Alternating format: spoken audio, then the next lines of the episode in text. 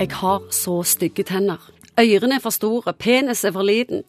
Eller jeg er så altfor blyg. Eller jeg er så rynkete. Verden kommer aldri til å gå tom for folk med komplekser.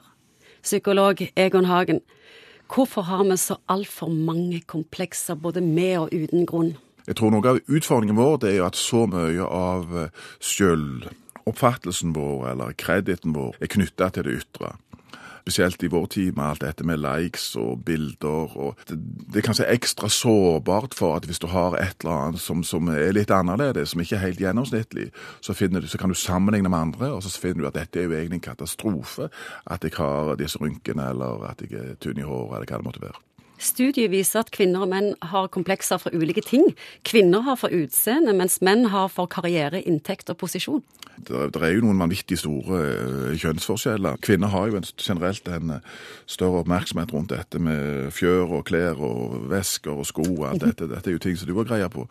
Mens uh, makt og posisjon og det å på en måte være i stand til å forsørge og ta vare på familier, dette har sikkert noen biologiske forankringer, vil jeg tro.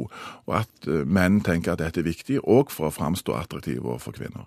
Jeg har tenkt at det kanskje er litt fint òg at vi har komplekser. Det hadde vært litt utålelig hvis alle sprang rundt og trodde de var ufeilbarlige og helt nydelige? Ja, kanskje. Det er jo en, en balansegang. Det å ha noen krakeleringer eller noen skjøre sider som de spiller i innledningsmelodien her, det tror jeg kan være greit for at du ikke blir for oppblåst, egentlig. Og ingenting er jo mer utålelig enn folk som syns at de er verdens svar på det meste. Noen sier veldig høyt hva de har komplekser for. Er det lurt? Nei, jeg tror det er, under, det er sånn vi kaller fint underkommunisert det litt. Fordi at du flytter på en måte bare oppmerksomheten mot noe som ja, det kan være noen som syns det hjelper òg, for all del. altså Vi er jo forskjellige der. Men jeg tror jeg ville tidsstilt med det. Noen fikser på kompleksene sine. De opererer nesen eller ørene eller brystene. Fikser på det de kan. Hva sier psykologen til det? Ja, Det der er jo sånn, jeg må være litt forsiktig. for klart at hvis, du, hvis, det er et eller annet som er veldig spesielt med hvordan du ser ut, du tenker at eh, jeg har det egentlig bra ellers, jeg er ganske sånn i vadder psykologisk ellers, så klart at det å gjøre noe med det kan for noen være veldig OK. Men for andre så er det sånn at det er jo ikke en quick fix. altså Det kan godt være at det bare flytter seg. Det er akkurat som å pusse opp i kjøkkenet hjemme med kona. Så finner vi ut at når vi først har fått denne nye, fine komfyren, så må vi gjøre noe annet òg. Og så ene tar det andre. og Sånn kan det òg være litt med disse skrottene våre, tror jeg. At det tar liksom aldri slutt. For det er jo alltid noe som kan sparkles og vinkeslipes. Og... Så har du det gående? Har du det gående, ja. Finnes det mennesker uten komplekser? Det fins kanskje, men uh, en kollega av meg sa en gang at uh, jeg trodde ikke det fantes et eneste menneske uten angst. For Det er nødvendige ting som vi trenger på en måte å ha vært borti og kjent til i ulike situasjoner. Og hvis du er for oppblåst og syns at du er perfekt på alle områder, jeg vet ikke om det er så attraktivt det heller, egentlig. Jeg tror de fleste har et eller annet som de tenker at Jeg tror de fleste mannfolk kunne tenke seg et par centimeter lenger, f.eks.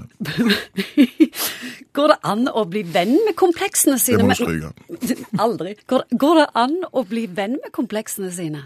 Ja, det tror jeg du kan. Det, det jeg pleier å si, prøv å ha litt humor på ting. Altså, du har det, og så har noen andre det. Og så ikke ta ting som er fordømt gravalvorlig. Altså, vi, vi lever her i et lite splittsekken. Altså, det å bruke himla mye tid og krefter på å tenke destruktivt om at du, har, at du ser sånn ut som du ser ut, det, er ikke sikkert det er så hensiktsmessig. Bli venner med dem, le av det, har kanskje litt sånn Istedenfor å tenke at lykken eller fornøydheten er, ligger i andres blikk, at de, i andres observasjoner av deg sjøl, så tror jeg at når du blir eldre, så blir det kanskje lettere å si at lykken er noe som kommer innenfra og ut.